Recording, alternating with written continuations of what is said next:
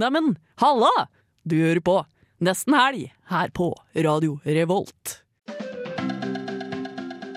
Nesten helg live på Fylgudfestivalen. Og det skal blant annet handle om Gjenbruk og redesign! Lavutslipp, urban dyrking, moteshow og do it yourself. Og vi skal møte miljøsynet Mia Langland Rørvik. Mari, du må huske å si at det er på Merkursenteret. Det er på Merkursenteret. Merkursenteret, for faen. Merkursenteret. God fredag, solen skinner, det er nesten vår, og det er også nesten helg. Denne sendingen er litt spesiell, for vi er på Merkur-senteret og sender live fra Feelgood-festivalen. Den har fokus på bærekraft og miljø, og så vi skal ha en ganske miljøvennlig sending i dag. Det blir eh, Miljø one-on-one, tips til hvordan du kan sy dine egne klær generelt om hvordan du kan leve et mer miljøvennlig liv. Og dere får også møte de tre jentene som starter opp festivalen, og andre spennende gjester. Men jeg er ikke alene på Merkursenteret. Jeg har også med meg Mia! Vebjørn og Kamikael i dag. Og selvfølgelig Ellen er på plass. Ja da, og vi skal lose dere gjennom en deilig sending, så det er bare å fortsette å høre på. Eller best av alt, ta turen innom Merkursenteret og bli med på festivalen. Aller først så skal vi høre Nokia 105 av Tøffel. Dere fikk eh, Nokia 105 av eh, Tøffel, og vi er tilbake nesten helg eh, på Fylgutfestivalen på Merkursenteret. Og her det er koser vi oss live. veldig. Ja, her koser vi oss. Dere tre sitter i hvert fall veldig komfortabelt. Vi gjør det. Vi sitter i en eh, flott sofa. Den er eh, sikkert litt gammel. Vintage, som vi kaller det i France. Kanskje det er gjenbruk. Ikke bare sofaen, men vi er også ganske vintage i dag. Ja, for vi Mm. er jo kledd opp av eh, Prisløp og Sara Panter. Mm. Og vi Det er det. prøver ut Stemmer. stiler vi aldri ellers ville prøvd ut før. Eh, Det gjør vi. Jeg er litt komfortabel og litt ukomfortabel på samme tid. Jeg vet ikke helt hva jeg synes selv. Skjønn blanding. Kanskje vi skal beskrive antrekket til Mia først, da? Ja, hva ser dere? Kan ikke du eh, presentere antrekket ditt helt selv, da, Mia? Hva du føler, og hva du har på deg. Og så liksom litt hvilke valg du tok da du kom inn på Prisløs i dag. Ja, jo, det kan jeg gjøre. Fordi i vanligvis så kjører jeg en ganske safe stil. Eh, Jeg har på meg de samme buksene hver dag, og så varierer jeg det jeg har på overkroppen. Men på, eh, på prisløs i dag så gikk jeg for de, de mest fargerike, blomstrete buksene jeg kunne finne. Ja, som det er litt sånn rosa. Hawaii-inspirert. Ja, litt Hawaii. De er rosa, og så er de Det er en farge jeg aldri har sett før. Det er en blanding av brun og grønn. Ja, det ser litt ut som du er på bryllupsreise på Hawaii. Mhm. Ja, kanskje jeg er det. Og så har jeg da en eh, topp som i samme fargesjattering som buksen. Eh, mer grønn enn brun, men ganske brun den òg. Litt sånn militærgrønn, kanskje? Ja, Ja. litt militærgrønn. Men du Og- ser helt nydelig ut, Mia. Ja, Ja. du er dronningen Du- av Hawaii, bare så du vet det. Du kunne rocke ut både safari, ferie på Hawaii, men også litt sånn cool storbygirl. ja, men Jeg er kjempekomfortabel og litt ukomfortabel samtidig. Det er det jeg føler meg litt kul, men også Jeg vet ikke helt. Jeg vet ikke helt hva jeg skal si. Men så Eh, ja. er det jo Ve- eh, Vebjørn, da. Ja, eh, jeg gikk for en sånn der safe eh, Nå skal jeg ut og seile med mine andre 50-åringer. eh, hele- med hele klubben, liksom. Det er helt klassisk. Ja, den, eh, den kjører jeg iblant, for å si det sånn. Eh, ja, så du har jo på deg hvite bukser. Mm. Ja, det har ikke jeg sett Funnet deg før, hos Vebjørn. Prisløs. Jeg er faktisk eh, prisløs fra topp til tå i dag, jeg. Ja, du er det. Ja. Mhm. Og du har til og med kjørt på med et tørkle i eh, Hva heter det? I halsen? Ja. Ja, det er det det heter, tror jeg. Jeg er litt usikker, men jeg tror det. Ja, jeg Ja. tror det, jeg òg. Ja. Og så har du semsket brun skinnjakke, Å, fy faen. Du Og- er deilig. stripete skjorte under. Ja. Og det var det jeg sa i sted, at nå må du ta et Tinder-bilde, for du kommer til å trekke til deg gutter som du Mhm. aldri har møtt før. Og vet du hva, Vebjørn? Jeg skulle ønske du var hetero i dag, ass. Fader, altså. Men dere ser ikke så verst ut, dere heller. Nei, jeg eh, ramlet inn på Prisløs og spottet en eh, veldig lang eh, knæsj rød frakk. Litt sånn detektivfrakk, vil jeg si. Mm. Ja, men samtidig med litt edge, da, fordi jeg vet ikke om detektiver har lyst til å gå i rødt. Nei, for de skal jo ikke bli kjent igjen på gata. Nei, de skal gjemme seg. Så Du jeg er en litt motsatt sånn- detektiv. Jeg er det. Jeg er en detektiv som gjerne vil bli eh, liksom Eventuelt Synlig. oppmerksomhetssyk detektiv. Det er akkurat kan vi kalle jeg det er. Ja. Og så har jeg eh, lånt eh, en bluse av Ellen, som er beige. Det har du! Det er også veldig fint, da. Å låne ting. Ja. Det er et Og- viktig tema på festivalen. Du har også tørkle i halsen. Ja, også tørkle i halsen. En liten Åh, finish. det Men er vet du, hva, Mari, deilig. du ser ut som sånn jeg har lyst til å bli når jeg blir stor. Ja. En som har livet sitt liksom together. Du ser ut som en person som klarer å ta én drink og så slutte å drikke. Og det er veldig bra. Mia, du ser ikke helt sånn ut. Du ser mer ut som du har fått deg sånn tre piña colada og skal til å kjøpe deg den fjerde. Jeg skal snart drikke pina colada. Å, deilig, Ja, ja, ja. deilig, deilig. Men da er det bare Hva- meg igjen, da. Ja, det er Ellen på Eh, hjørnet. jeg valgte å gå en annen vei, eh, så jeg gikk Sara Panter i dag. Og det er jo da en butikk her på Merkur-senteret. Det er en ganske kul butikk, da. De, eh, hun tar imot klær fra utenom eh, jordisk, holdt jeg på å si. Eh, mennesker utenfra. Hun, her kan du selge klærne dine til Sara Panter. Helt Og- og da vanlige mennesker, da, fant jeg- Helt vanlige mennesker. Men da fant jeg en så fin lysrosa bluse i det deiligste stoffet til en bukse jeg hadde hjemmefra. Du ser ut som Du en ser skikkelig søt marshmallow. Thank you! I'm gonna wear this tonight. Yes, you Ser are! veldig bra ut. Deilig. Ja. Nei, så i dag så blir det jo Det er mye miljø på plakaten. Det er veldig mye miljø. Man hører jo i bakgrunnen at det er litt støy, men det er fordi vi er på Ja, ja, ja, det er deilig. Og ikke Merkursenteret, Nei. som vi prøvde på en periode. Ja. Mm. Da har vi allerede lært én ny ting i dag. Mm. ja. Og eh, snart så skal vi prate litt mer om miljø og varme opp eh, for denne sendingen. Men først så skal vi høre Kaurin med låta 'Aldri eid Atari'. Der hørte dere 'Aldri eid Atari' av Kaurin, og vi er fortsatt på Merkursenteret. Eller Merkursenteret. Opp til deg. Ja. På Fylgud.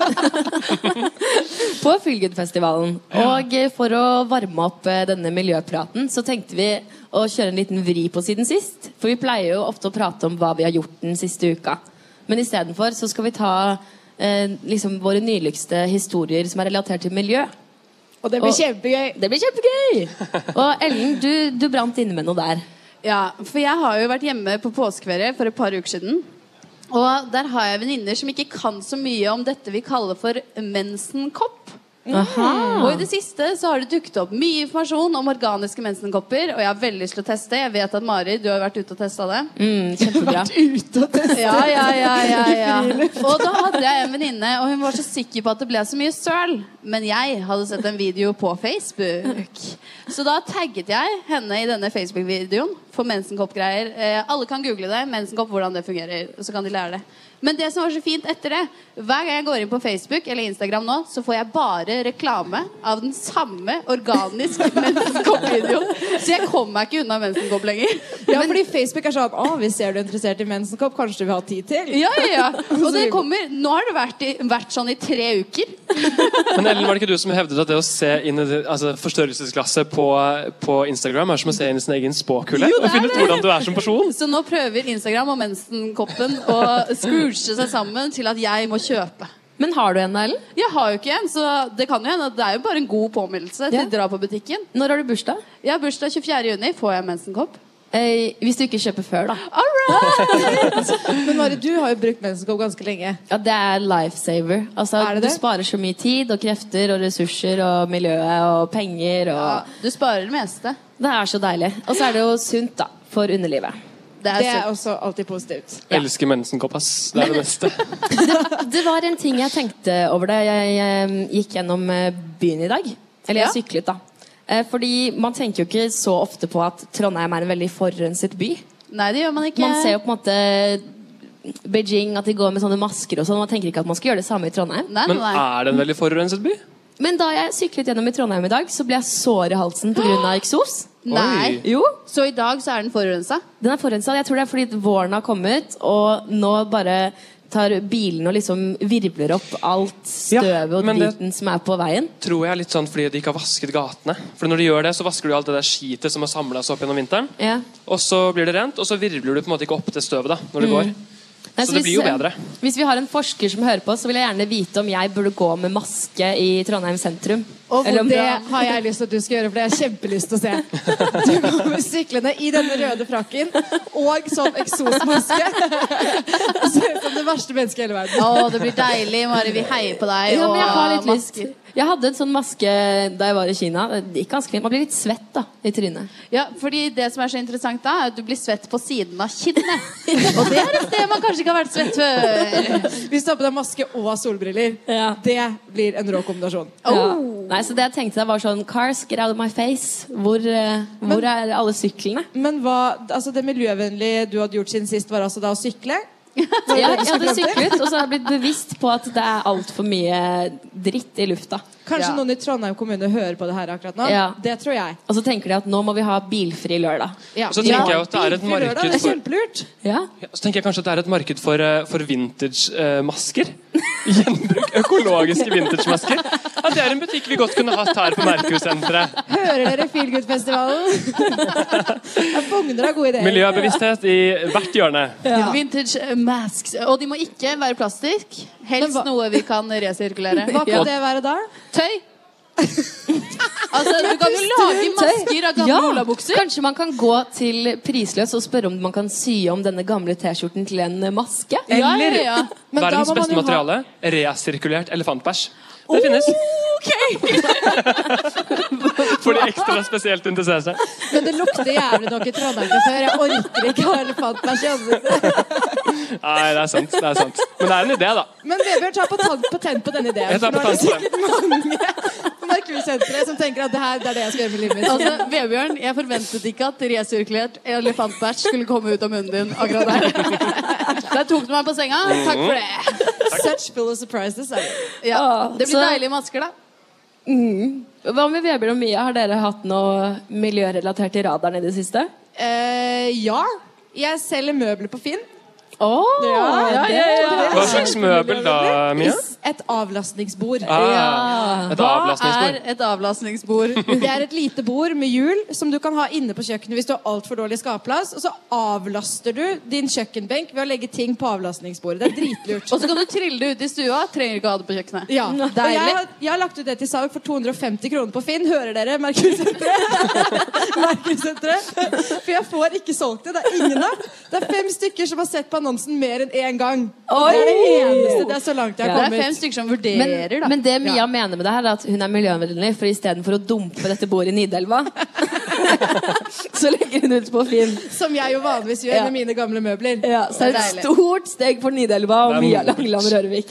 Men det er, dere kan ikke benekte at det er miljøvennlig å selge ting på Finn. Nei, vi Mm. benekter ingenting. Ja, ikke Det er sant? kjempebra. Og hvis dere nå skal finne denne annonsen Hvis du der hjemme eller du på Merkursenteret har veldig lyst på et avlastningsbord, så heter ikke annonsen 'avlastningsbord' lenger. Det heter 'lite fint bord'. Ja. Sånn finner dere den. Mia, snart må vi skrive reklame bak dette stikket her. For det blir veldig mye annonsering Produktplassering. av din annonse.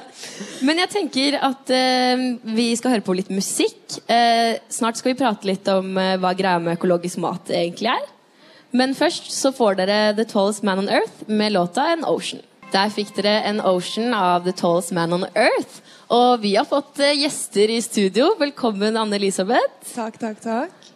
Hun eh, skal representere framtiden i våre hender. Og de har jo et eh, byttemarked i dag her på senteret. Yes. Har du lyst til å fortelle litt om det? Det er så mye å fortelle. Det er så mye plagg. Det er skikkelig skummelt, nesten. Eh, nei, vi har byttemarked, da. Det er ikke så veldig mye mer enn det. Hvordan funker det for de som ikke er kjent med hva et byttemarked er? Man kommer med så mange plagg man vil, akkurat nå i hvert fall. Eh, så får man likt antall lapper, som en sånn takkelapp, som en slags valuta, tilbake igjen. Og så ret- returnerer man igjen da, klokka fem. Og så kan man få masse fine plagg tilbake igjen. Å nei, da må jeg løpe opp nå, for jeg har noen plagg. Ja. Spennende. Når er det det stenger for at man kan levere inn klær? Det har egentlig stengt, Ah. men eh, jeg kan gjøre et unntak for eh, Ellen. Å, thank you! Vet du hva, det er lurt å være på lufta. Må være så hyggelig og sånn. Eh, Anne-Lisbeth, kan ikke du fortelle litt om framtiden i våre hender? Det er så mye å for... Nei da. Ehm, det er jo Norges største miljø- og solidaritetsorganisasjon. Ja. eh, som både jobber for liksom, ja, klima, miljø og rettferdig lønn og arbeidsvilkår for eh, arbeiderne i sør. Yes. Så de som lager klærne våre, skal ha det bra, og det skal liksom, forhåpentligvis bli mindre klær, mindre produksjon eh, av klær og ting og alt mulig rart. Så dere har ikke fokus bare på det lokale, men egentlig liksom hele verden? da hele Liksom, Sør-Norge. hele liksom, kjeden Mm. av eh, produksjon? Ja. Mhm. Hva er på en måte deres høyeste mål? Eh, det er en rettferdig fordeling av jordas ressurser. Ja. Intet mindre, egentlig. Nei, det er et veldig stort mål, men eh, Ja, det er ganske eh, stort mål å bytte over. man det må jo det. passer bra inn i feelgood, hæ? Da Ja. får man en god følelse. Det gjør det. Og Se dere for holder jo deg. til i andre etasje. Det er viktig å si på Merkur-senteret. Tredje. Tredje etasje heter det. Tredje etasje. Tredje Så etasje. vanskelig. Og hvor lenge er det åpent, dette byttemarkedet? Eh, til klokka åtte. Ok, Så vi er litt rause på det med altså, Selv om jeg egentlig er stengt nå, så gidder vi ikke Vi s- vi ber ikke folk gå, liksom. Nei. Hvis det kommer for seint. Hvis det er noen som ser i klesskapet sitt nå at de har veldig lyst til å bytte klær, er det flere byttemarkeder som kommer til å bli arrangert? Ja, det er jo den store klesbyttedagen i morgen. Da er det ikke vi Oh. som arrangerer, men vi er veldig for å spre det gode budskapet uansett. Så jeg vet det skal være ett på Stammen kafé, Ja. og sikkert generelt rundt omkring. Og så er det jo egentlig ganske greit å mekke sjæl, bare blant vennene sine. Det er ikke så innmari vanskelig, ass. Det er et godt tips. ja, vet du hva? Vi burde begynne med sånn byttefors. Ja. Sånn alle tar med seg plagg på vors, og så tar vi en bytterunde. Og, Og- så kjører vi på. Det Det er kule kjempelurt. er jo at man, man blir ofte veldig lei av sine egne klær. Ja. Og da får man liksom en mulighet til å liksom freshe opp det klesskapet man har. da. Ja, Og i hvert fall sånn student som ikke har råd til nye klær. Det er helt sjukt hvor eh, annerledes stil man får når man er med på sånne byttemarkeder. Man bare bytter helt. Plutselig blir man jævlig preppy, eller det- man blir liksom helt sånn shit. Ja, jeg må jo ha den kasjmirgenseren som jeg egentlig ikke kommer til å bruke, men eh, så gjør man plutselig det. Det er en veldig god måte å utfordre seg selv på også. Så hvis du er på Mercury-senteret eller sitter hjemme og kanskje skal ha et vors i morgen, bare liksom legg til en liten sånn bytte-edge på det. Ja, ja, ja. Her kjører vi byttemarked all the way. Det blir Men kjempebra. bortsett fra byttemarked, hvilke andre ting er det dere driver med i, i framtiden i våre hender? Åh, Masse forskjellig, men eh, akkurat nå så er det Vi har hatt litt sånn påleggskurs. eh, veldig mye fokus på vegetarmat. Nå tenker jeg bare byttemarked i hodet, da. For nå er jeg liksom Ja, ja, ja. in the zone. Har på meg T-skjorte og alt sammen. Eh, men eh, veldig mye forskjellig. Det er veldig opp til hva vi velger å gjøre selv. s- Altså som medlemmer i lokallaget. Hvor lenge har du vært med? Tre år. Tre år. Mm, veteran snart. Jeg tror det er på tide at vi blir bedre mennesker nesten helg. Skal vi alle bli med i Framtiden i våre Eh, Jeg hender? tror kanskje vi må det. Hvordan er det man Gruppeinnmelding. blir med? Du, vi har en vervekampanje akkurat nå. Eh, du ler, men det er sant. Eh, du kan si ifra til meg, så 250 kroner. All right. Mm. Vi har jo Hvordan akkurat kan fått man stipend. være med og på en måte bidra sammen med dere? Reklame. Eh, nei, det er bare å melde seg inn i Facebook-gruppa, det. Mm. Ja? Skal man komme og hjelpe til når dere skal arrangere ting? Ja. Ja, men Det er så veldig bra. hyggelig. Ja, men det høres veldig bra ut. Ja. Da håper jeg folk eh, tar dette til inspirasjon og ettertanke. Det håper jeg òg. Mm. Tusen takk til Anne-Elisabeth som eh, kunne ta turen. Selv takk for at jeg fikk komme. Nå skal dere få lov til å høre låta 'Dance Like You' av OK Kaya. Oi, jeg bare bommet på søpla når jeg skulle kaste den flasken i søppelkassen. Jeg. Mia, den flaska den kommer til å ta livet av en fiskefamilie. Bare så du vet det. Der fikk dere høre OK Kaya med 'Dance Like You'. Og Ellen, du brenner, brenner inne med et eller annet. Ja, øh, for jeg har lurt på noe en stund nå, etter å ha gått i diverse matbutikker gjennom ganske mange år. Så lurer jeg på egentlig, hva er greia med økologisk mat? Mm. Ja, hva er egentlig greia? Det, er det flere som lurer på det? Her, altså, nå kaster vi inn en Molotov-cocktail i den offentlige debatten. Ja, det er bra at vi tar spørsmålet. Men jeg lurer, jeg lurer sjæl. Jeg lurer veldig, Mari. Ja, fordi det gjorde jeg også før jeg gikk inn på internett i dag. Og jeg får jo lese opp dette. Og Hva søkte fant du litt. ut på internett? Og eh, som advarsel, altså jeg, Dette er ikke, ikke fakta, sjekk meg på det her. Det kan, kan komme feil. Det er mye fake news ute og Nei, går. alt som står på internett, er helt sant. Ja, ok. Hvis vi antar at alt er helt sant, da, så har jeg lært at forskjellen på økologisk mat og annen mat som dyrkes, er at de bruker ikke kunstgjødsel eller sprøytemidler. Mhm. Og så har de strenge krav til hvordan de skal ta vare på dyrene sine. Ja, fordi hvordan skal dyr behandles når det blir økologisk mat av dem etterpå? En- Jeg har fått høre at eh, kuer, for eksempel, da, som eh, er økologiske kuer, de skal få homopati, for eksempel. Hva er det for noe? Nei, det vet jeg ikke. Men, Hva er det for noe? Hva er det for noe? men, eh, men de blir tatt vare på, da. Jeg, Veldig ser godt. for meg, jeg har alltid sett for meg at det er en slags psykolog for kuer, Ja. hvis du skjønner. Jo, men det er sånn, i hvert fall for mennesker så er det sånn helhets, helhetlig sånn kroppsbehandling, sånn nåler, litt sånn alternativ medisinaktig opplegg, Ja. tror jeg. Men poenget er i hvert fall at dyrene skal ha det bra. Ja. Eh, og Men det er litt paradoks, for de skal jo slaktes uansett. ja, fordi her kommer paradokset. Fordi økologisk mat det er jo bra fordi man får i seg mindre kjemiske stoffer og sprøytemidler når man spiser maten. Men Yes. samtidig, måten de gjødsler maten på, er jo da eh, ved på en måte avføring til dyrene. Så de Og må jo det er ha, en bra eller dårlig ting? Da må de også ha masse husdyr. Ja. Og da må det jo være Ja. stor eh, på en måte kjøttproduksjon, da. Ja.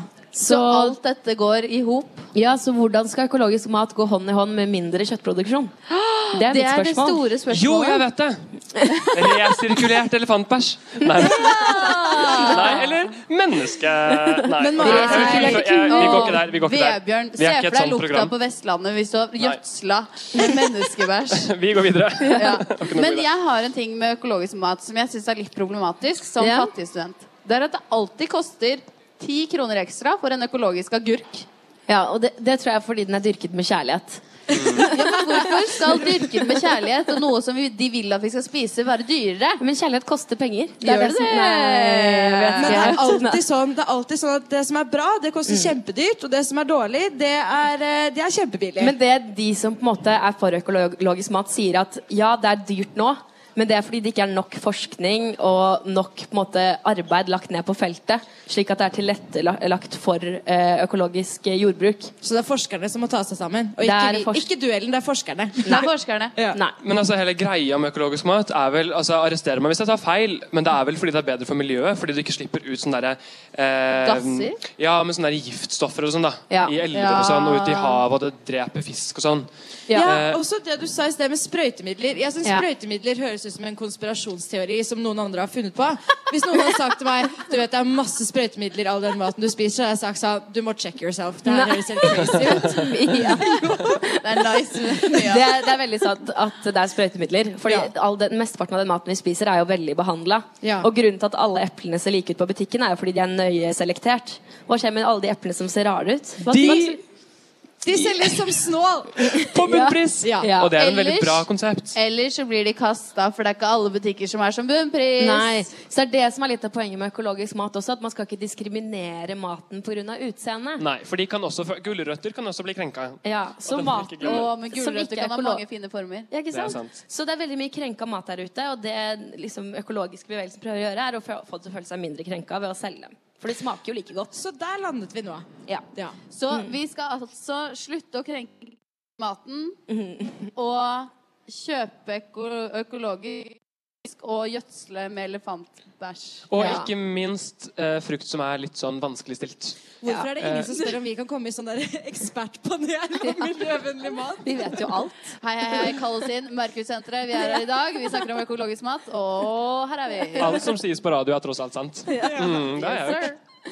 Ja, så, og et problem de også peker, pe- eh, peker på, er jo at eh, det er jo mindre arealeffektivt med økologisk mat, så hvordan skal man da brødfø en hel verden? Det er jo Så litt spennende. de, så de som sulter, de på en måte ser mot Vesten, som skal ha økologisk, og sier vet du hva, dette her er ikke bærekraftig, for da får ikke alle nok mat. Ja, det er et veldig godt poeng. Mm. Så det er jo litt strid, da. Ja, Men eh, vi- selv om det er strid, Mari, du er jo den mest eh, miljøvennlige av eh, oss eh, fire.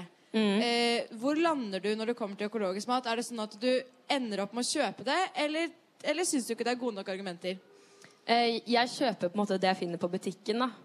Ah, Og Ja. også som oftest til best pris. Det er det som er litt, litt av problemet. at selv om man har lyst til å være miljøvennlig, så er det litt umulig hvis noen ting er tre ganger dyrere. Det er kjempevanskelig, fordi hvis man har 100 kroner man kan bruke på butikken hver dag, Ja, så bruker man ikke det på en snål agurk. ja, Kanskje konklusjonen kan være at enten du er for eller mot, så må du i hvert fall lese deg litt opp på det. ja. For det Så er komplekse argumenter på begge sider. det er viktig å være mer bevisst uansett. Det er konklusjonen. Men eh, snart så skal vi få besøk av eh, de tre flotte damene som startet opp denne Feelgood-festivalen. Det gleder vi oss veldig til. Eh, Men først så skal vi høre på litt musikk. Dere får Egyptian Lover av Reggie Snow. Ja, det var eh, låta 'Egyptian Lover' av eh, Reggie Snow. Og nå har vi fått eh, storfint besøk her. Ikke i studio, som jeg holdt på å si, men her på kjøpesenteret på Merkur-senteret. Vi har med oss eh, Oskar fra Prisløs. Og eh, Sara fra Sara Panter. Hei. Og, eh, og eh, Lina fra Ducky. Hei. Og så har vi også med oss eh, Sofia fra Prisløs. Hallo. Kjekt å være her. Ja, velkommen skal dere være. Eh, dere tre jentene, dere er jo på mange måter de- dere, dere som har startet opp eh, bedriften, eller hva skal man si, fe festivalen. Men så er dere også eh, ledere for hver, hvert deres foretak, kan man si det sånn? Kan jo, ja, man kan si det sånn. Eller det er vel Sara og Sofia som egentlig leder for foretak Prisløs og Sara Panter, mens jeg jobber for et firma som heter Ducky. da. Ok. Ja. Men alle er jo på en måte involvert da, i et eh, miljøbevisst foretak, kan man si kanskje. Eh, men hvordan, kan dere fortelle litt grann om, uh, om Feelgood-festivalen? Hvordan ble det til? Hvordan ble det på en måte dere tre? Kan du fortelle om det, Sara? Ja, altså Det starta egentlig med et ønske om å ha et eh, vintermarked med litt klær og kanskje en pop-up-kafé. og Det var snakk om én dag. Og så hadde vi en liten workshop der vi myldra ideer. Og så bare balla det på seg til at vi plutselig hadde program nok til å fylle to hele dager. Og da ble det festival. Kult. For det er første gang i år, er det ikke det? Jo, det er det. stemmer, det. Åssen har, eh, hvordan har nervene vært eh, i forkant nå, Sofia? Vi var veldig rolige og følte vi hadde alt under kontroll. Og så ble vi litt stressa etter hvert. Men eh, det kommer til å gå så fint. Ja, det gjør Og det vi er helt allerede sikkert. i gang. Ja, så bra. Det er jo ganske naturlig å ha litt, eh, litt nerver i forkant av det her, vil jeg si. Eh, temaet deres det, det er 'business as unusual'. Kan dere fortelle noe om det, Lina? Ja, vi, Sara, Sara, du Ja, ja, tar det. Sara, Ja, ok, ok. Eh, vel, tanken er at veldig mange har eh, vaner. Business as usual. Du gjør ting sånn som du pleier å gjøre. Men med Feelgood så ønsker vi å få folk til å endre sin business as usual og på en måte tune inn vanene sine til det som er det beste for seg selv og for miljøet.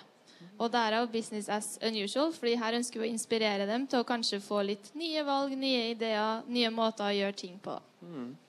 Har du noen tips da, Oskar, til ting som kan endres på? Ja, altså, Mitt beste tips er kanskje å være naturalist. Fordi da kan du liksom droppe hele den forbrukergreia med klær. Og så bare dra rundt og chille og være eh, en flink, miljøvennlig eh, person dag inn, dag ut. Det jo Og så er litt, det trivelig, da. eh, Det er litt ironisk siden han jobber på klesbutikk med å selge Mm. Ja. klær. Du får ikke mye kunder av det der, med den holdningen der. Men, eh, men når vi er inne på det sporet litt, hva er, eh, hva er det mest kreative miljøtipset dere har hørt noen gang? Det mest ekstreme, på en måte? Det tror jeg må være Oskars tips. da, Gå naken. Det er jo Mm. ekstremt. Eh, jeg hørte en gang å bruke eh, plastpose og strikk som kondom. Men så er jo det å få barn er jo ikke veldig miljøvennlig, da. Så eh, ja, det skal være god, eh, god plastikk og god strikk, holdt jeg på å si. Mm. Men har dere fått andre tips? Eller som dere har kommet på selv, kanskje? Yes. eh, vi så, jeg så et tips eh, på internettet. Det var en jente som skulle leve på 100 plagg. Og da teller jo alle sokker, alle truser, absolutt alt av tøy. Men 100 plagg, er det, er det lite? Det hørtes jo egentlig ganske mye ut. Jeg vet, men jeg begynte å telle, og det ble 100 veldig, veldig, veldig raskt. Ok. Nå har jeg kanskje veldig mye klær, da. Men eh, jeg tror det er utrolig, utrolig lite hvis man begynner å telle hjemme. Åssen gikk det med den jenta? Hun klarte det. Hun ble bare mer og mer bevisst på det. Og så tok hun andre valg også, som var mer miljøvennlig. Så hun klarte å bli en minimalist til Men, slutt. ja, en minimalist. Ja, men fordi det kan jo være en challenge. Eh, å starte på kanskje jeg vet ikke, 200 plagg, 150 plagg, så kan man kanskje kutte litt ned. Det kan jo være en challenge. Ehm, og så lurer jeg på, Hvordan har det vært for dere, eh, siden dere også er med i foretak som er grønne, eh, økologiske? Eh, prisløs og Sara Pante driver jo med klær. Eh, og Ducky eh, det er en, ja, Du kanskje kan fortelle litt om det, Lina? litt sånn kjapt? Ja, det kan jo være litt da. Vi er jo en eh, Trondheimsbedrift da, som vi er basert her. Og det vi egentlig jobber med, er vi har laga en klimakalkulator som faktisk er en av, blitt kåret til en av verdens beste. Vi var på TED Talk nettopp. Det var Oi, veldig gratulerer. kult. Ja, takk. Eh, Og så driver vi og har jo interaktive miljøutfordringer med bedrifter og skoler. Men jeg hadde litt ønske om liksom, at flere folk skulle begynne å høre om oss, for det jobber jo mest mot bedrifter. Så da ble vi jo involvert i det her da med å lage en festival. For vi hadde litt lyst til å Hovedessensen med Ducky er at vi har lyst til å at- inspirere folk til grønnere handlinger og ja, være mer, bev- gjøre mer bev- bevisste valg. Og da var jo det her perfekt. Men Da kan vi jo anbefale folk å sjekke ut eh, Ducky. Ja. Ducky.eko. Dot .eco. Mm-hmm. Mhm. Oi, stilig. Ja, ja, ja. Vi er Eh, gjennomført, vet du. da. Ja, det er klart det. Men sånn tips da, til, til ja, skal vi si, unge lovende da, som har lyst til å starte opp noe grønt, eller eh, hva har vært eh, deres største lærdom å trekke fra det her? Min største lærdom er at du klarer det hvis du bare bestemmer deg for det og går for det. Eh, og kanskje være flink til å ta imot hjelp underveis. Og bare være utholdende, så kommer du i mål til slutt. For det er jo noen nedturer også. Men så er det en del oppturer. Ja, for det er jo litt det å kanskje være stayer og på en måte være der bare Nettopp. i gode, tunge dager. Ja. Og, ja, mm. Bare vær eh, pågående. Out there, bruk sosiale medier. Vær sprudlende. Og ikke vær redd for å spørre om hjelp. Folk har vært så fantastiske. Stilt opp, lånt ut. Eh, folk er helt nydelige. Så bare samarbeid og del. Ja. Ja, så Det er en oppfordring da, til dere der ute og, og kanskje ta, så, ta tak i ideene deres og faktisk gjøre noe med det. Eh, før vi startet på intervjuet her, så sa dere at det kanskje var noen dere hadde lyst til å takke. Er det, ja?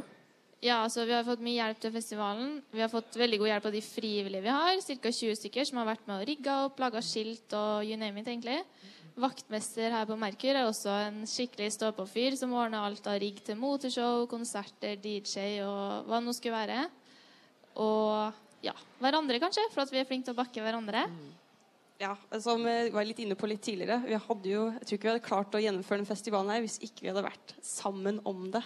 Fordi det ja, hadde gjort det alene. Også en veldig stor takk til Sarina, som har lagd de fine logoplakatene og flyersene som vi har eh, fått av henne.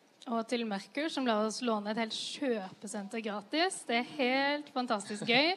Og vi får full kreativ frihet. Mm. Og ikke minst takk til aktørene. Ja, så er det ikke hver gang man er på et kjøpesenter på en resirkuleringsfestival. Eller, ja. Så det er litt, spen- litt spesielt. Eh, men jeg tror bare må takke dere også for at dere kom hit eh, nå. Eh, og nå skal vi høre litt mer musikk. Vi skal høre eh, låta 'Feberfantasier' av eh, Svømmebasseng. Der fikk dere feberfantasier av eh, svømmebasseng, og vi har nok en gang fått besøk her i studio. Velkommen til Ingrid Bergtun. Tusen takk. Kan ikke du bare introdusere deg selv litt kjapt, så alle på Merkur-senteret og alle våre tusen lyttere får vite hvem du er? Ja, ok. Jeg heter Ingrid Bergtun, og jeg er 26 år og eh, driver med sying. Ja. Og ja, har en eh, syblogg og eh, holder redesangkurs og foredrag og Ja, for jeg var inne på bloggen din, og der står det at du er en dedikert amatørsyer. Hva innebærer egentlig det? Det innebærer egentlig at, eh, at jeg ikke har noe utdannelse liksom. Så det er det amatørsyer kommer fra. At jeg er selvlært. Mm. Um, ja, og så prøver jeg å spre eh, kunnskap om søm og fortelle folk at det er lett- lettere enn man tror. Ja, for det er det. Jeg tror det er mange som kanskje tenker at det å sy om sine egne klær er ganske vanskelig og ganske skummelt. Jeg er veldig redd for å ødelegge alt jeg tar i. Men jeg leste også, jeg har vært inne på bloggen din et par ganger, skjønner du. Jeg leste også på bloggen din at du begynte først å sy i 2016. Det stemmer, og det syns jeg eh, er litt eh, kult å fortelle folk. Fordi det går an å lære seg i voksen alder. Man trenger ikke å ha sydd siden man var liten, eller ha en mamma som er supergod til å sy, for jeg har ingen av delene. Men jeg bare Det er noe av det morsomste jeg har holdt på med, så jeg har holdt mye på med det, da. Ja, Og fordi bare- Hvordan var det du gikk til at du på en måte bare satte deg ned ved en symaskin og så bare var du i gang? Så klarte du ikke å slutte å sy? Ja, for jeg var ferdig å studere, og så hadde jeg fått meg jobb. Og så syns jeg at hverdagen etter jobb ble litt sånn derre Jeg følte jeg trengte en hobby, da. Mm. Og så fikk jeg tilfeldigvis en symaskin av farmor. Og så Nå sier jeg hele foredraget mitt her. Men eh, det er godt innøvd. Men eh, Og så begynte jeg å teste den, og så eh, ble jeg helt hekta. Og så eh, lærte jeg meg alt det jeg ikke kunne gjennom YouTube og Google og blogger og Så ideen er at hvis du kan klare deg, eller lære deg å sy på kort tid alene, så bør flere kanskje kunne kla- klare det samme. Virkelig, altså. Og det er mye mer overkommelig enn det man tror. Men man må, ha litt sånn, man må være litt dedikert. Så det er derfor dedikert. Ja. står det. Men hva er det du typisk eh, syr om når du eh, setter deg ned ved symaskinen din? Når jeg syr om, så sier jeg om skjorter mye, fordi da Jeg syns det kan bli utrolig mye kult. Og Mm. spesielt nå som det er så mye offshoulder-topper eller eh, Ja, det er veldig enkelt å sy om. Mm. Så jeg har holdt kurs her i dag om, eh, med offshoulder-topper og den Ok. skjorta som jeg har på meg. Nå ser jo ikke lytterne det, da, men eh, Vi kan jo beskrive den, kanskje. Har du lyst til å beskrive den selv? Skal jeg beskrive den? Ja. Ja. Det er samboeren min sin eh, skjorte i burgunder. Og så har jeg sydd på rynker nederst, sånn at den har sånn rynka kappe nederst. Ja. Mm. Den var jo veldig fin. Så du lagde den i stad? Nei, den har jeg lagd fra før. Å, ja, Jeg holdt du har bare laget kurset. den. Jeg tenkte sånn, ja, jeg lagde den på kurset i stad. jeg. Gi meg en halvtime, så har jeg et nytt lag. Ja, men hvor lang tid tar det å sy om den skjorta der til det du har på deg nå? Mm. Eh, en time tror jeg jeg ville brukt. Ja. Så du har blitt mer og mer effektiv eh, Ja, og siden når det er, man 2016. får så utrolig mye gratis når man redesigner, for da er alle de viktigste elementene på plass fra før. Ja. Så man slipper på en måte å sy knappestolpe, og man slipper å sy krage, som er vanskelig og tidkrevende. Og så kan man bare konsentrere seg om de endringene man har lyst til å ha, da. Men jeg tenker at det må jo være en ganske sånn intens kreativ prosess som ligger bak. Jeg har faktisk tatt med meg et lite plagg hit til Ah, vår så lille kult. sofakrok. Det, det er, eh, altså for de som ikke kan se det, da, en eh, kjole i lyseblå silke. Som eh, er sånn eh, kuttet av eh, skuldrene, jeg vet ikke helt hva det heter på syspråk. Og så er det en bitte liten hals. Og denne her kjøpte jeg eh, på Samsø da jeg skulle i mitt aller første bryllup. Oh. Eh, Og da hadde jeg lagt på meg fra ganske mye bri i Frankrike, så den er faktisk allerede lagt ut ved hoftene, for den stoppet der. og da dro jeg til en sydame der jeg kom fra, og så sa hun men det må være lov å legge på seg litt. Og så sa jeg jeg er helt enig. Eh, men tingen er at nå har jeg brukt denne her i et bryllup, og det ble tatt ekstremt mange bilder, og alle har jo sett den. Eh, Så jeg tenkte at Hvis jeg skal rocke den her på nytt og late som jeg har ny kjole, men det kan jeg ikke kjøpe for jeg er fattig, hvordan kunne man endret den da? Det er jo veldig mange måter. Man kan f.eks. Eh, klippe den i eh, midjen og lage liksom, et skjørt og en magetopp eller noe sånt, nå, hvis du hadde vært komfortabel med det. Ja, det er jeg kanskje ikke så komfortabel med, men kanskje. Nei, eller så kan man f.eks. Eh, kjøpe et lignende stoff eh, som er litt samme kvalitet, enten i samme farge eller et annet fint matchende mønster. Og så kan man sy eh, sånn som jeg har gjort på skjorta, rynka kappen nederst, eller Ja. sprita den opp litt med Og det går også an å bare Det enkleste er kanskje å bare sy på, kjøpe noen detaljer å sy på. Ja. Noe glitter eller perler eller et eller annet. Fins som- det egentlig noen grenser for hva man kan gjøre? Det gjør virkelig ikke det. Det er Det bare er bare å slå seg fantasien som løs. eh, stopper deg. Men eh, da kommer jeg og finner deg etterpå, jeg, og så kan vi fortsette litt videre på denne planen. Helt Em, hva er din aller største redesign-drøm? Har du liksom sett for deg et eller annet plagg som du bare skulle revolusjonert, eller kanskje noe for dronning Sonja, eller har du en sånn type drøm? Ehm, ja, det er jo fett å Hadde vært fett å redesigne til noen man er fan av, liksom. Jeg fikk lov til å sy et plagg til Ina Wroldsen nå nylig. Oi! Så jeg har akkurat lagd en, kjo- en drakt til henne, som, eh, og det var liksom helt sjukt. Er det sant? Så gøy! Så jeg var hjemme hos henne og var inni klesskapet hennes og Oi! fant liksom plagg hun liker. da Ja. så Ble du det var veldig fornøyd? kult. Hun gjorde det. Ja. Hun sendte meg melding og skrev eh, high five. Dette er en high five til deg. Og så var det bilde av henne med outfiten på. Å, det er helt nydelig. Hvordan var det det så ut? Kan, nei, hvordan var det? Jeg kan ikke si, vise dere bildet, Fordi jeg må jo beskrive det til ja, Er det radiobilder? Det er noe helt Vi kan kanskje legge det ut på sosiale medier etterpå. kanskje. Ja. Man får godkjenning. Ja, jeg tror ikke vi når ut til flere enn det Ina Wroldsen gjør selv. Nei. Det, det kan vi Men eh, overlate til vi skal henne. ikke tråkke på noen føtter heller. Men eh, da tror jeg at vi kanskje skal høre litt musikk. Det var kjempekoselig at du hadde lyst til å komme bort hit i sofakroken til oss. Tusen takk for at dere ville ha Og- meg på besøk. Og dele litt sånn eh, syhemmeligheter. Nå skal vi rett hjem og sy alle sammen, tror jeg. Ja. Da gjelder det å ønske seg symaskin av eh, farmor til jul. Ja, Det starter alltid med farmor. Ja. Litt, litt farmor og litt YouTube. Så kommer du Beste kombinasjonen. Og så skal jo du holde foredrag. Det så skal jeg, ja. lykke til på det. Tusen takk. Det er bare å må, alle må møte opp eh, kvart over. Så folk kan bare komme? Ja. ja. Å, så bra! Ja. Kom dere på foredrag, folkens. Men hvis dere sitter hjemme i Karnøyret, opp av sofaen. Kom Ja. dere til Merkursenteret. Og det er 15 minutter. gratis foredrag kvart Ja. over. Om Om 15 redesign. minutter. Det Om blir redesign, veldig bra. Ja, men eh, da skal vi høre 'Føle meg sjæl' av eh, Myra. Føle meg sjæl av eh, Myra, og nå har vi fått besøk nok en gang i studio. Velkommen til Hanna Malene fra Litterært kollektiv. Tusen, tusen takk. Og du er jo en gammel kjenning av oss her i Nesten Helg, for du har vært med hele to ganger før, hører vi rykter om. Ja, det er i hvert fall det vi kanskje tror. Vi er ikke helt sikre. Men jeg har vært innom og snakket om noe, noe andre greier vi i litterært kollektiv har gjort før. Ja, Så det er veldig ja, ja. hyggelig at dere har lyst til å ha oss her igjen, da. Ja, men det er deilig det. Men du har jo aldri vært med på Merkur-senteret før. Det er viktig å understreke. Nei, det har jeg aldri sittet og sendt radio fra Merkussenteret. Det føles ganske rart. Jeg kom inn og sa sånn Ja, hvor er radioen hen nå? Det, altså, Oppi hjørnet bak heisen borti der. hvor skjer det når du kommer opp i andre? Jeg bare, ok, ja, ja. Da finner vi ut av det. Men vi har jo eh, Du kommer fra litterært kollektiv. Og det er kanskje noen lyttere eller eh, noen folk her på senteret som ikke vet hva litterært kollektiv er. Kan ikke du presentere det for oss? Jo, det kan jeg prøve. Ehm, vi er jo en eh, frivillig organisasjon ehm, som jobber med å spre litteratur og kultur til Trondheim. Å, det er viktig. Ja, det er veldig viktig arbeid. Ehm, så vi er en gjeng, vi er sju stykker nå. Og vi gjør litt forskjellige typer arrangementer. Vi har en festival som heter Ugress, en kulturfestival som Ja. pleier å være sånn i september-ish, som har vært tre ganger.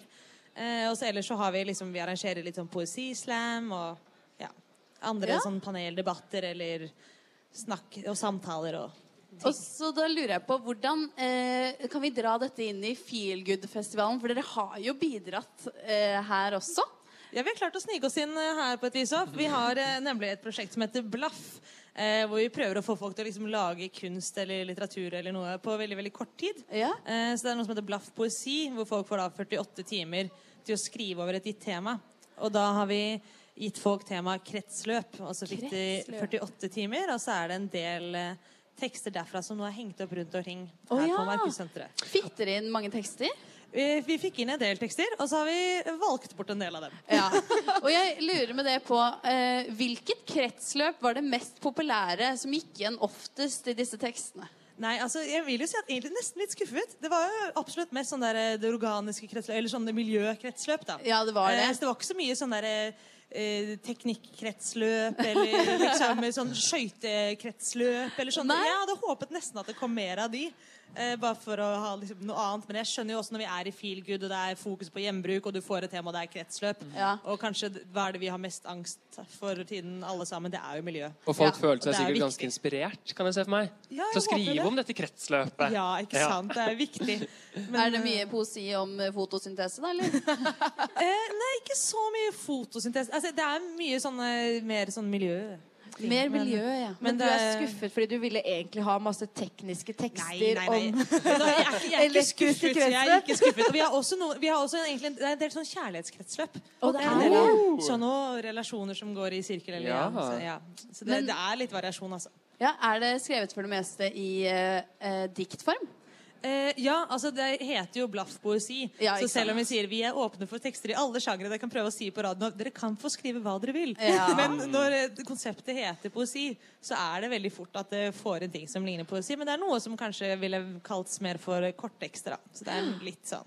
Men det er jo stilig, da. Dere når jo ut til folk. Dere får jo inn eh, eh, poesi fra mennesker. Men føler dere at dere når ut til veldig mange forskjellige typer folk når dere legger ut sånne konkurranser på en måte, eller sånne opplegg? Ja, altså akkurat Blaffpoesi er litt morsom, sånn sett, for det, det er veldig mye som kommer inn fra mange rare steder. Og vi har flere danske som har kommet inn flere ganger, så vi ikke skjønner helt hvordan fant oss. Og så, iblant så får vi faktisk noen sånn litt etablerte poeter, og så Oi. får vi veldig mye sånn Vi sender jo ut til skriveskoler og sånn, og da, og så sier sånn Å, dette fins, tralala. Mm. Eh, så det er noen ganger vi plutselig ser at Oi, nå er det en lærer som faktisk har delt dette. For nå fikk vi inn veldig mange folk som vi kan stalke og finne ut hvor kom fra, og så ser vi det. Fra klasse 3C. Halvparten.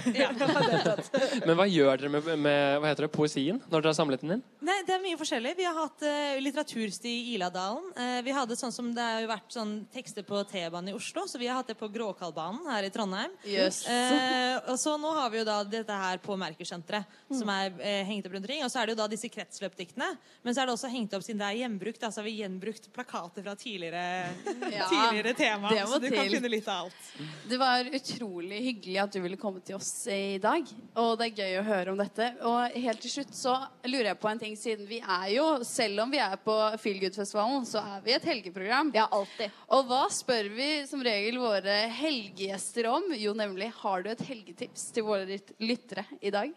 Altså, Med det været her så fins det jo egentlig andre, ingen andre helgetips enn at du må jo bare komme deg litt utenat. Ta Ja. med deg en god bok og sett deg i sola og glem s- liksom alle smarte skjermer et eller annet sted. Og så ta med deg et eller annet som du kan liksom kose deg med og bli litt sånn solbrent på nesa og sett deg ute i Korsvika. Og kanskje penn og papir og skrive et lite dikt, for eksempel, hvis man skulle Sant. føle seg inspirert? Ja, ja. Tenk på noe som du liksom kan skrive. Vi har jo faktisk også en novellekonkurranse gående nå med Studentmennene og Dusken, Å, ja. som har frist nå på søndag med tema kunstig. Så her er vi innenfor Ja, ja, ja, da er Så vi inne sett deg ned og skriv en liten novelle.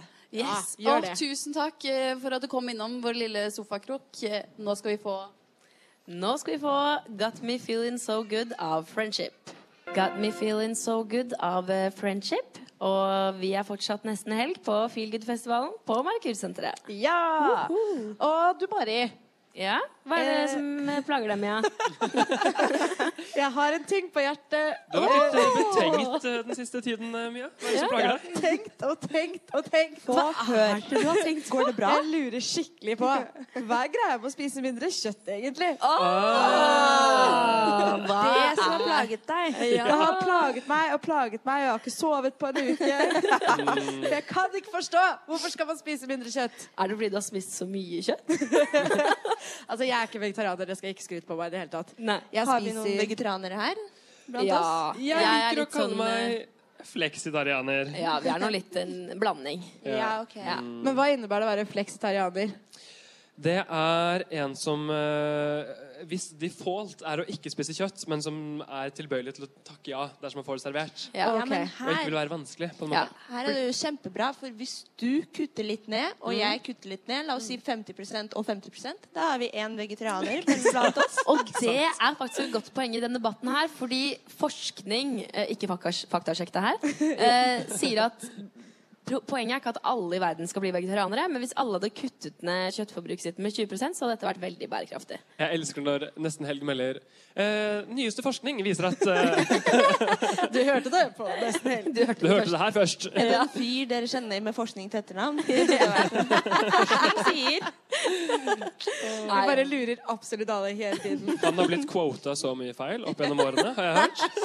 Men altså, Vebjørn, du som driver og kutter ned på kjøtt for å være et bærekraftig menneske. Hvordan gjør du det? Det er ikke så vanskelig. Jeg bare eh, kjøper andre ting og spiser andre ting istedenfor kjøtt. Det er Så det er sånn ikke som, så vanskelig. men, sånn Sånne runde ting, sånn som Bønner og sånn. ah! I Ja, for det er starten- det jeg som må er fortelle, fordi det problemet. var ikke- Det har jo vært en bumpy ride. Jeg må innrømme det. Eh, I starten så klarte jeg ikke å lage mat. Jeg flytta til Trondheim uten å egentlig lære meg, eh, uten å kunne lage mat. Eh, og da jeg da liksom kuttet den vekk på kjøttet, så ble jeg det veldig mye sånn grøt. Altså jeg på en måte bare blandet masse grønnsaker i, og så ble det sånn stuing. Eh, men hvis du på en måte skal ta det skrittet, da, at du ikke skal bruke så mye kjøtt, så må du faktisk også aktivt lære deg Ja. eh, en del andre retter, da. Og en del andre substitutter. Ja, fordi altså, det er på en måte greia at jeg tror mange folk, meg selv inkludert, tenker at hvis jeg kutter ut kjøtt, så er det så mye jobb med å få alle de vitaminene og det jeg trenger ellers. Men og det jeg, er bare propaganda, Mia. Er det, er det, Ja. det er det som er Ja, fordi konspirasjonsteorien! det er protein i nesten alt. Det er protein i epler. Ja, men det Hvem her skulle trenger trodd? jo folk som meg å vite. Fordi det jeg tenkte var at nei, vet du hva, jeg bruker så lite tid på å lage mat fra før av. Jeg Ja. er så dårlig til å brødfø meg selv. Mm. Jeg har konstant eh, mangel på i hvert fall tre vitaminer. Ja. Og det å drive da og kutte bort kjøtt og så bare jobbe masse med kostholdet, det tenker jeg det blir stress. Ja, men dette her er det bare rike hvite menn som liker kjøttkaker som har sagt til deg. Og du må ikke høre på de. Det her er Gilde som er, og Prior som er hjernevaskere siden hun ble født. Alle de forskerne kommer fra Gilde. Nei, men eh, litt av greia da med å ikke spise kjøtt er jo at eh, for det første er det billigere for din egen lommebok. Det er jo ofte ganske dyrt å skulle kjøpe en pakke med kjøtt til kanskje 60 kroner istedenfor en pakke med bønner til 6 kroner. Ikke sant? Det er ganske digg da, å spare inn de pengene. Um, og en annen greie er jo at både Verdens eh, helseorganisasjon og eh, vår eget eh, helsedirektorat har sagt at eh, kjøtt er en eh, direkte å- eh, årsak eh, til kreft. Oi, det visste jeg ikke. Men dette er bearbeidet kjøtt, da, sånn som f.eks. pølser, kjøttpålegg og bacon. Mm. Det er kreftfremkallende. Ja. Så da har vi både helse og økonomi, og så er det jo eh, et argument som dyrevelferd, da. Skal passe på disse dyrene, så de Ja. ikke har det så vondt. Ja. Og en siste er at det er veldig lite effektivt med kjøttproduksjon sammenlignet med annen type matproduksjon. For mye mer for på en måte samme eh, jordbruksareal. Det var veldig mye bra fakta. Men du, Mari, Ja? hva om jeg spiser økologisk kjøtt, da? For da får jo bøndene litt penger òg. Hva skal de drive med hvis jeg skal bli vegetarianer? Ja, Mari, tenker du ikke på bøndene?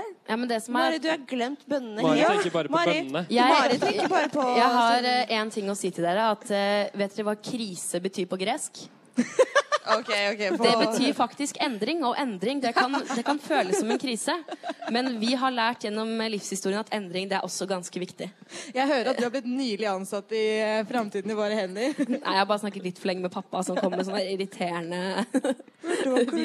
visdomsord. Nei, og som en siste sånn her skremsel da, så kan jeg si at eh, produksjon av animalsk mat står for 18 av de glo- globale klimautslippene. Og det er mer enn transport til sammen.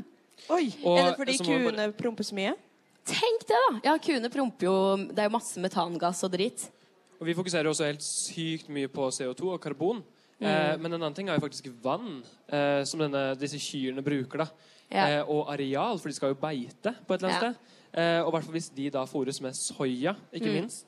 Eh, og det skjer jo ofte der det er billigst, og det kan jo f.eks. være i u-land eller Amazonas. Ja. Mm. Eller eh, hvis man skal importere argentinsk biff fra Pampasen, så er jo ikke det så veldig bra heller.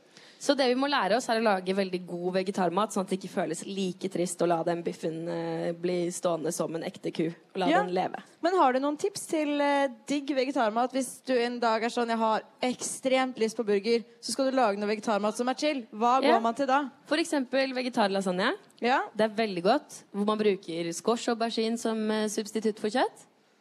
Du har også falafel Ja. og Chili sin carne. Ja, chili sin carne. Og det på spansk betyr eh, chili uten kjøtt. Ja, men du kan ha andre ting i chili også, har jeg hørt. Mm. Det er Ja, hva mulig. putter man oppi da, for eksempel? eh, Nei, for eksempel bønner, da.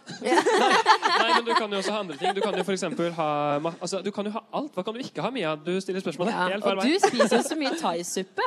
Jeg gjør det. Altså, du, du trenger jo ikke kjøtt. Thaisuppe med kylling, girl. Fisk! Thaisuppe med sopp, girl. Thaisuppe med fisk? Det, sorry, det var bedre Ja. idé enn sopp. Ja, fisk funker også. Ja, ok. Ja, men da blir det det til middag i kveld. Nei, så da, Thaisuppe da med fisk. håper jeg alle har lært noe og blitt inspirert. Ja, veldig. Jeg føler meg i hvert fall veldig inspirert. Av deg selv? Men tipset er jo kanskje å Kunnskap. starte eh, med Meat Free Monday, og så heller bare kutte ned til Meat Free Tuesday. Og så bare eh, liksom Ikke liksom bare ta en cold turkey på kjøtt med en gang, men liksom bare Ja. trappe ned litt. Det, er- det er det. for Ja. sant, Hvis man skal kutte ned på sukker, da, man trenger ikke å ikke spise lørdagsgodt, men kanskje et tips er å liksom kutte ned i hverdagene. Det, det er som med andre ting. Det skal være balanse. Så går det fint. Og med det så foreslår jeg at vi hører på litt musikk. Dere skal nå få høre 'Easy On The Eye' av Mats Wawa. Der fikk dere um, Eyes og, nei, 'Easy On The Eye' av Mats Wawa. Og eh, nå eh, går jeg over til vår reporter Ellen. Ja, fordi i dag så er jeg utereporter. Jeg har fått på meg caps. Vi har vært rundt på senteret, funnet folk. Og vi har noen spørsmål til dere. Først, hva heter du? Jeg heter Dennis. Hei, Dennis! Velkommen til eh, Nesten helg i Radio Revolt. Det første jeg skal spørre deg om, er eh, Kjørte du hit i dag? Nei, jeg har ikke førerkortet. Du har ikke førerkortet. Det var veldig lyst- eh, lurt. Syns du at folk bør ta førerkortet i forhold til miljø? Mm, vel, det kommer an på fremtiden. Kanskje en dag så blir vi ikke så veldig dependent på biler eller andre kjøretøy. Kanskje det blir mer kollektivtransport. Så er det egentlig ikke så veldig nødvendig. Det er det jeg håper på, i hvert fall, for jeg, skal ikke, jeg har ikke tenkt å ta det heller. Jeg syns det var veldig lurt. Jeg. Er dere ikke enige? Jeg synes det er Veldig veldig enig. bra. Jo, jo, jo. Vi trenger ikke førerkort, vet du. Eh, resirkulerer du all plasten din? Jeg prøver, men Trondheim er jo ikke så flink på det. Nei, for det er litt vanskelig å finne eh, steder hvor plast kan gå. Ja, Ikke sant? Så det er det, da. Ja, Jeg ser at det er et problem. Eh, Jeg har et eh, spørsmål helt til slutt, og det er eh, Kaster du noe annet i toalettet utenom bæsj, tiss, vanlig papir? Øh, noen ganger tyggisen min. Det er jo plastikk i tyggis! Oh my god. Nei, Jeg syns du kom ganske bra ut på denne miljøskalaen her. Eh, Jeg skal smø- spørre kvinnen ved din side. Hei, hva heter du? Marte. Velkommen hit til eh, Nesten helg Radio Revolt. Eh, Jeg har et spørsmål til deg. Kjørte du hit i dag? Nei, jeg tok buss. Du tok buss. Føler du at buss er miljøvennlig, eller kunne Trondheim kvittet seg med alle busser? Eh, det er et veldig godt eh, spørsmål, men per i dag så må jo vi ha buss. Jeg er helt enig med deg. Eh, bør folk eh, ta lappen? Det kommer helt an på hvor man er fra. Eh, folk i by syns jeg ikke trenger å ta lappen. Det spørs selvfølgelig hvor langt unna man bor, og hvor bra kollektivtilbudet er. Men jeg som er fra selveste bygda, eh, jeg må ha lappen hvis det skal komme meg fra A til B. Det er veldig sant. Det er kjipere enn å vente på en buss som kommer hver eh, andre time. Eh, resirkulerer du plassen din? Eh, jeg prøver, men jeg syns at eh, som han sa, så syns jeg det er ganske dårlig her i Trondheim. Ehm, det er ganske dårlig tilrettelagt for at man skal res- resirkulere plasten. Vi må gå i sånn fem minutter for å kaste plass. Altså, det er ikke dritlangt, men det er fortsatt ikke at man har en container utenfor leiligheten sin som man bare kan kaste all plast i. En i fem minutter. Det er på en måte langt nok til at man dropper det. Eh, kjøper, du, eh, kjøper du klærne dine brukt? Eh, ja, mens en god del av det kjøper jeg brukt. Det er veldig lurt. Vil du ha et tips om det? Om jeg vil ha et tips? Ja. Vet du hva? Hver gang du kjøper et nytt plagg, så kan du levere et plagg til Fretex. Det er veldig veldig lurt. Da er du i hvert fall miljøbevisst. Helt til sist, eh, kaster du noe annet i toalettet utenom dopapir, bæsj, tiss? Eh, faktisk ikke. Jo, eh, snus av og til. Nei! Da blir det fiskemat. Men du gjør det kanskje ikke etter i dag? Nei, ikke etter det i dag. Etter at du fikk litt sånn Ikke eh, etter akkurat nå. Nei. Det er deilig. Nesten helg ute og lærer om miljø her. Ja da. Vi har fått inn en helt stort jentecrew her. Jeg trenger litt hjelp av Vebjørn. Vi trenger flere mikker. Hei, damer! Hva heter dere? Thea. Julie. Aurora. Velkommen til eh, denne lille Fem på gata-spørsmålsrunden. Um, syns dere at Nei, kjørte du hit i dag? Eh, ja. Kjørte du bil hit i dag? Elbil. Har du tenkt på miljøet? Ja. Eh, Er elbil bra for miljøet? både òg. that's true. Eh, bør folk ta lappen, syns du, i byene? Eh, Det er jo kanskje egentlig ikke nødvendig med tanke på at det er gode busstilbud i byene. Ja, det er jo poeng, det. Men du kjørte jo hit i dag, du. Det var ikke jeg som kjørte. Var det du som kjørte? Eh, ja, men vi bor ikke i byen, da. Dere bor ikke i byen, ja. Da må det jo være greit. Hvor bor dere? Eh, Marvik. Ja, Da må man nesten kjøre. Den bussen går ikke ofte. Der jeg bor på Sveberg, og der er det dårlige bussbevilgelser. Der går det kanskje annenhver time, i hvert fall på kveldene og sånn der, da. Ja, Det er dårlig. Eh, Trondheim, skjerp dere. ja. Eh, resirkulerer dere plassen deres? Ja. Ja. Nydelig. Fy faen, for en jentegjeng. Kjøper dere klærne deres brukt? Eh, Både òg. Jeg kjøper av og til brukte klær på Tice, men også nytt. Ja, samme. Altså, vi er veldig flinke til å dele på klær, da. Og arving av klær. Ja, arving er klar. Det er absolutt veldig veldig effektivt. Eh, kaster du noe annet i toalettet utenom bæsj, tiss, toalettpapir? Nei, faktisk ikke. Deilig å høre. Nei. Nei. Ikke Men, en gullfisk eh, engang, altså? Ja, jeg gjorde det én gang fordi fisken min døde.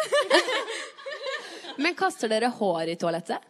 Nei, i søppelbøtta. Hvis du tenker på liksom, når du tar ut håret fra hårbørsten. Ja, eller eh, hvis du på en måte skal renske hårbørsten. Ja, i søpla, for jeg syns det er heslig å kaste i do. Så bra, fordi det er med å tette avløpsrørene, så det er veldig bra at du kaster det i søpla. Det var deilig at dere kunne stille opp, jenter. Jeg håper dere får en veldig fin og miljøbevisst kveld. Og god kjøretur tilbake. Ja, ja. Da takker vi vår eh, utegående reporter eh, Ellen for eh, de flotte Fem på gata-spørsmålene. Nå skal dere få I'm Still a Man av Club Kuru. Ah, jeg tror jeg bare kaster denne kyllingen, jeg. Oh man, why throw that chicken out the window? Ja, Mia, hvorfor kaster du kyllingen ut av vinduet? Fordi jeg har jo skjønt i dag at jeg tydeligvis er et miljøsvin, og jeg skammer meg kontinuerlig. Ja, det er. Fordi da kan hunden spise nam-nam. Hva skjedde der, Ellen? Det passet veldig bra at du ble så rar nå, for da kan vi snakke om capsen din. Ja. Eh, jeg har vært på byttemarked. Jeg byttet inn tre gensere mot én caps. Er det god deal? Altså, det kommer an på hvor kul den capsen er. Hva føler du selv? Jeg føler capsen har gitt meg ny energi. Den begynner å gi meg en ny personlighet. Eh, Jeg sitter litt mer sånn henslengt i stolen, studerer rulletrappa, ser på menneskene som kommer opp, dømmer. Ikke. Og alt dette kommer fra energien i capsen. Det er litt sånn som velgerhatten i Harry Potter. Ja, At det, det skjer mye greier under den capsen som ingen av vi oss Det vet er ikke en om. caps, det er en hatt. Det er en topp. Du får sånn attitude. Det må jo ha hatt noe med å gjøre den personen som har hatt den capsen før. Oi! Kanskje den personen var helt gæren. Kanskje det henger igjen litt sånn personlighet i capsen. Kanskje noen døde i den capsen. Døde i Kan capsen? vi- Hvordan kom vi på Nei. døden nå? Mia. Jo, det er fordi det er et kretsløp. Ikke Ja, sant? det er et man blir kretsløp. født, man lever, Men og så dere- dør man. Ja. At eh, jeg lurer litt på en ting. Eh. Yes. Hva er greia med sånne, derre- sånne derre fly og tog og sånn, egentlig? Hva er greia med Bjørn? Hva er greia med Ja, flytog? hva er greia med det? Fordi hvorfor skal man ta lurer på. Nei, Hvorfor skal man ikke bare ta fly? Hva er greia med at man skal ta tog og sånne ting? Miljøet, da? Ja. Altså, jeg tenker sånn eh, Jeg har en del venner Nå skal vi diskutere dette her hardt. Ok. Fra Trondheim til Oslo så kan du ta toget på syv timer. Fra Trondheim- Trondheim til Oslo, hvor lang tid tar det å ta flyet? Altså Fire. fra dør til dør for meg, Dør til som dør. bor i Oslo, så tar det tre og en halv time. Serr? Ja. Når du sender bagasje også? Fordi det tok meg en time Eh, Nei, å da hente legger man bagasjen på, på en Gardermoen. halvtime. Fire timer, da, kan man si. Dør Fire til dør, timer. fire timer. Men Og hva er en greia da? tredjedel av prisen, faktisk. Ja, det er det som er problemet. Det er prisen. Ja, men Ja. fordi det jeg tenker at jeg vet at det er kjempebra å ta tog. Og det kan være kjempehyggelig å ta tog kanskje én gang i halvåret. Men det er liksom, siden det tar lengre tid og er dyrere, så kjenner jeg at personlig så har ikke jeg så mange intensiver til å bestille togbillett og ikke flybillett når jeg skal hjem fra Trondheim. Men er ikke intensivene alle de menneskene som bor i søppel og spiser søppel til middag? Som dør når du tar flyet! Ja. Er ikke det intensivet, Mia? Ja, ja, men det er ikke så, jeg, nå, jeg kjenner ikke så hardt på det i min hverdag eh, her i Trondheim. Så kanskje du skal gå og bli kjent med noen som bor i søppel? Jeg syns denne samtalen tok en kjemperar vending. ikke dit jeg tenkte det skulle gå. Neida. Men jeg tror jo Ja. det man kan tenke er at NSB har jo ikke så veldig mye konkurranse i Nei. forhold til Norwegian slash SAS slash Widerøe. Så jeg tror poenget er at vi skal starte vår egen togbedrift. Ja, som kan konkurrere ned prisene til NSB. For det er litt sånn som Friele kaffe, som, nei, Kaffebrenneriet heter det, som har liksom De skal ha all kaffen. Men jeg synes på en Og måte her dette kommer det samme innenfor tog. NSB har alle togene. Men dette her med fly og tog og pris og hvor lang tid det tar, og sånn, det fanger på en måte liksom kjernen i det som gjør at det er vanskelig å være miljøvennlig hver eneste dag for et vanlig menneske. For det er ikke alle som er like miljøbevisste som deg, f.eks. Mari. Eller deg, Vebjørn, og litt deg, Ellen. Men jeg på har en bare må- flyskrekk. Ja. Det trengte du ikke å si, Ellen. Men ikke sant, vanlige folk vil jo veldig gjerne tenke på miljøet, men det, når det er krøkkete å få til, Mm. så er det veldig ofte, i hvert fall for min del, at jeg setter meg selv litt over miljøet. Og det er selvfølgelig kjempedumt. Ja, for du bor jo i miljøet. Ja, man bor i miljøet. Vi alle bor i miljøet. Vi bor i miljøet sammen. Ja. Og vi vil at miljøet skal være et hyggelig sted å bo. Sammen. men det er på en måte Det er litt stress av og til da, å være miljøvennlig, selv om man gjerne skulle ønske at man kunne være det. Hvem er det som skal hjelpe Mia med det her? Eh, jeg skal hjelpe Mia med, med, denne, liksom, med det- dette som eh, Skal du vi si. bære henne inn på toget? Nei, jeg skal, bare, jeg skal bare si en ting til det som Mia sa. Fordi eh, jeg tenker jo kanskje at man må få inn Ok, nå ble jeg veldig sånn der eh, politisk her. Men at man må få inn noen som kan eh, heve prisen litt grann på fly. Og så i hvert fall da gjøre det billigere og raskere å ta tog. For det er så jævlig kronglete. Ja. Eh, sorry språket. Men det er liksom, det koster så mye, og det er utsolgt så langt fram i tid. Og så videre.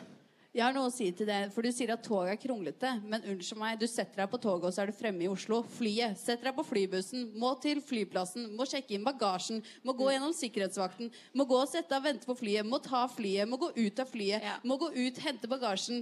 Og så må du søren meg sette deg på flytoget inn til Oslo, og bor du ikke ved siden av flytoget, så må du bli henta av mamma og pappa. Ja, ja, det er jo men- helt vilt kronglete i forhold til dette toget du tar til Oslo, og så må du kanskje bli henta der. Ja. Det er veldig godt poeng, Ellen. Ja, jeg ble streng. Jeg fikk en kjempegod idé nå Det er sånn. plutselig. kapsen. Ja. Jeg tenkte at det er ganske mange miljøbevisste folk i Trondheim, har jeg fått inntrykk av. Mm. Ganske mange miljøbevisste studenter og flinke folk, f.eks. disse bak eh, Feelgood-festivalen. Og så er det noen som er litt mer som meg, som eh, må steppe opp gamet sitt litt. Vi burde innføre en sånn miljøfadderordning, hvor alle sånne miljøsvin som meg får seg en miljøfadder som kan følge meg rundt to ganger i uken, og så lære meg ja, hånd på, hånd på skulderen, så har jeg en sånn tung miljøhånd på skulderen Ja. hele tiden og lære meg hvordan jeg kan leve miljøvennlig. Og så Den er like tung som dårlig samvittighet. Ja. Og Hver dag. Mari, kan du ta på deg ansvaret over Mia? Ja, fordi jeg prøvde i stad. Mia og jeg skulle ned og kjøpe litt mat på Big Bite. Og tror du ikke Mia rasker med seg en eh, vannflaske? Fiskemat. Og der kommer, der kommer den hånden på skulderen som drar Ja. meg ned og gir meg Den dårlig flasken selvtillit. kommer til å skylle opp på stranda på Bali. I magen på en fugl. Nei, Ja. fordi, sorry, den, her skal jeg re Magen. den skal jeg resirkulere på Rema 1000 Bakklandet. Ja, skal Så- du det? Ja, jeg skal det. Jeg Ja. resirkulerer eh, en gang i, i måneden. Eventuelt panter. For vanlig eh, Ja, pante, det er det det heter. Men tenk deg en Tinder-app for miljøfadder. Så kan du sveipe, og så Ja. trenger du ikke å få en irriterende miljøfadder. Du kan få en du faktisk har lyst på selv. For eksempel. Du har jo allerede fått deg Mari, da. Ja, jeg trenger ikke, men, eh, Men, andre men jeg føler ikke at eh, min hånd veier så t- tungt på deg, Mia.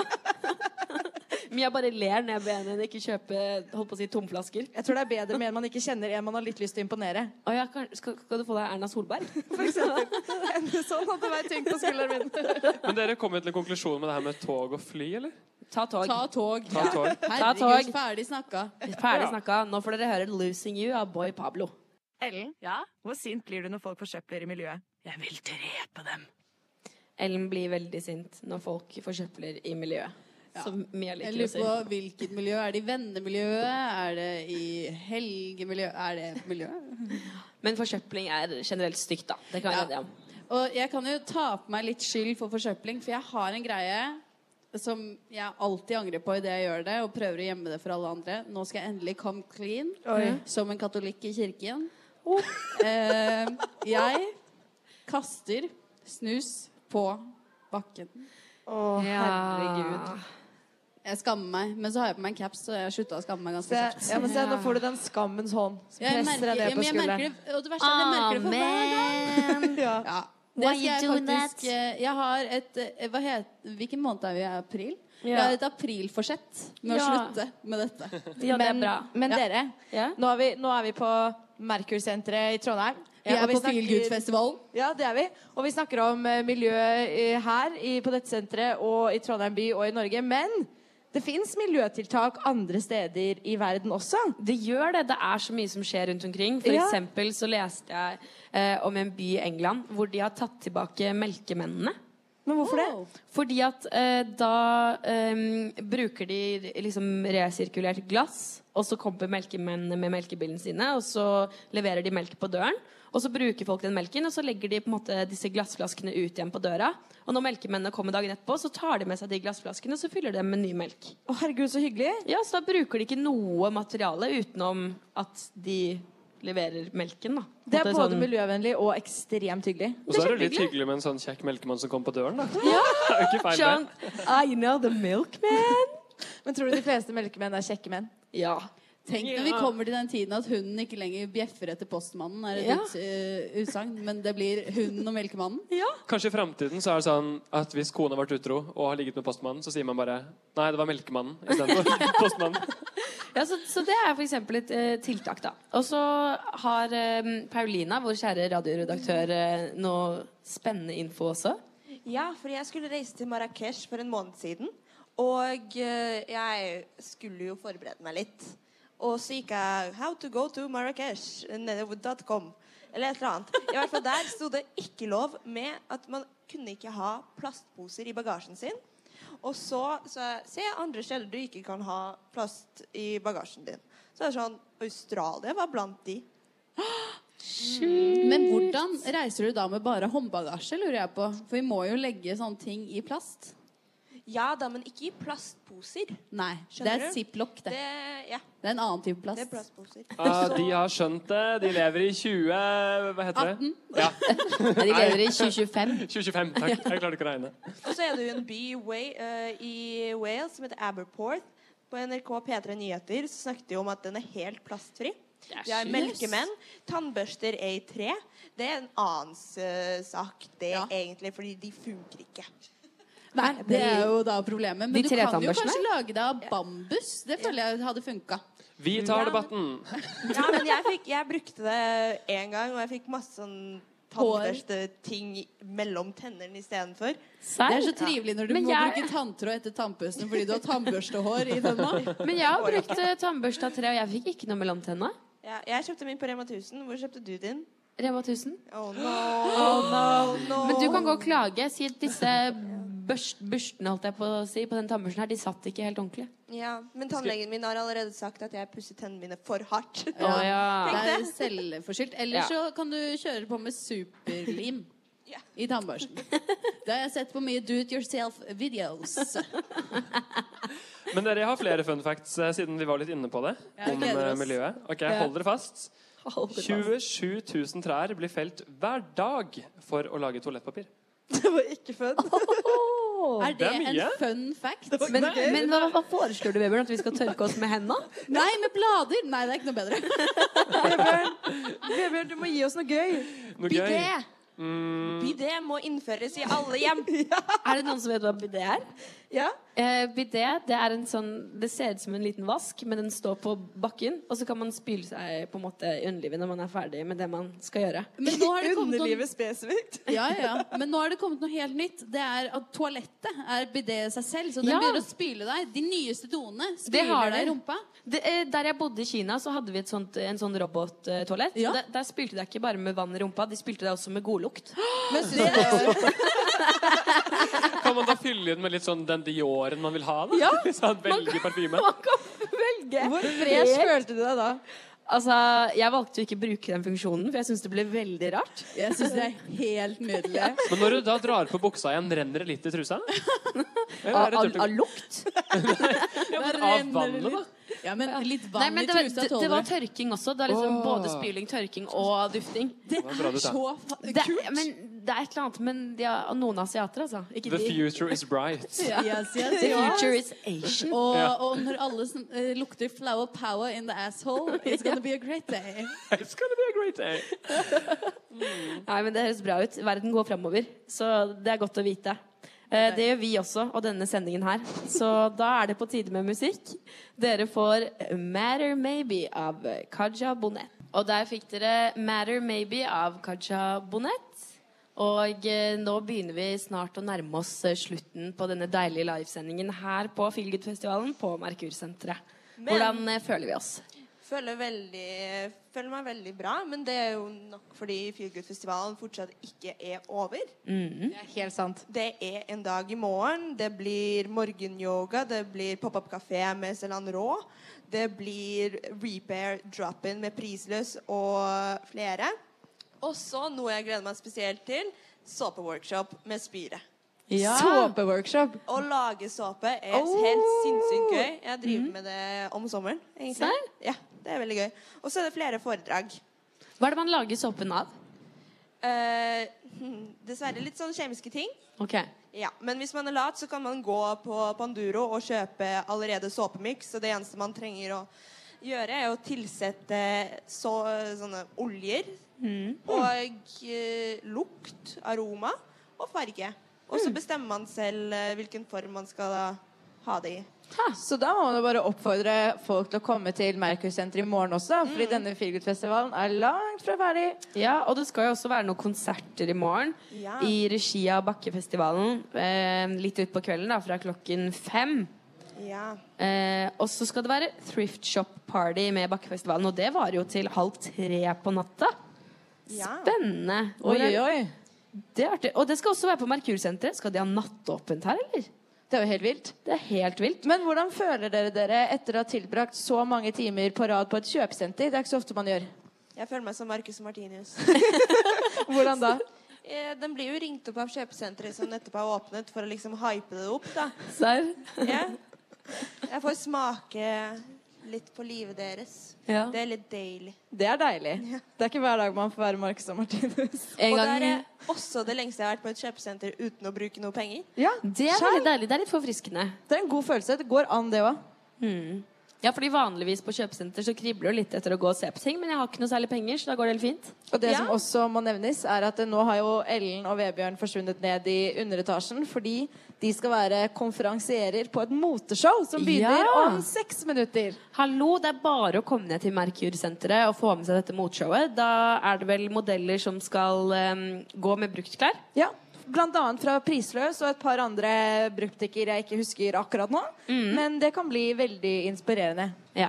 Så da kan man få innspo til en eh, litt mer miljøvennlig stil. Og i dag har vi fått skikkelig smaken på hvordan man kan leve et miljøvennlig liv. Mm. Jeg skal i hvert fall legge om skuta og begynne å lytte til min indre skam, og så skal jeg, eh, skal jeg bli enda mer miljøvennlig. Å, det er deilig å høre, Mia. Ja. Nå, nå kan jeg få en god helg. Ja, nå kan du få en god slappe nå, av. Ser du, nå har du gjort din jobb som fadder, eh, miljøfadder. Sant? Det er deilig. Det er deilig for deg, det er deilig for meg, det er deilig for miljøet. Ja, det er deilig for alle. Og til slutt, da, hva er det oss her på benken skal i helgen? Jeg skal eh, på byttedagen, den store byttedagen i morgen. Ja, Ah, Mm. På Stavn kafé og bar skal jeg chille i solværet. Deilig. Mm. Veldig deilig. Hva med deg, Mia? Jeg skal eh, rett ut og ta meg noen utepils eh, nå etterpå. ja, og så digg. i morgen så skal jeg på en liten hyttetur på studenthytta. Så du skal i hvert fall nyte av det gode været? Jeg skal nyte solen. Hva med deg? Jeg skal eh, nyte solen, for vi har en liten sånn der gammelmannsterrasse hjemme hos meg.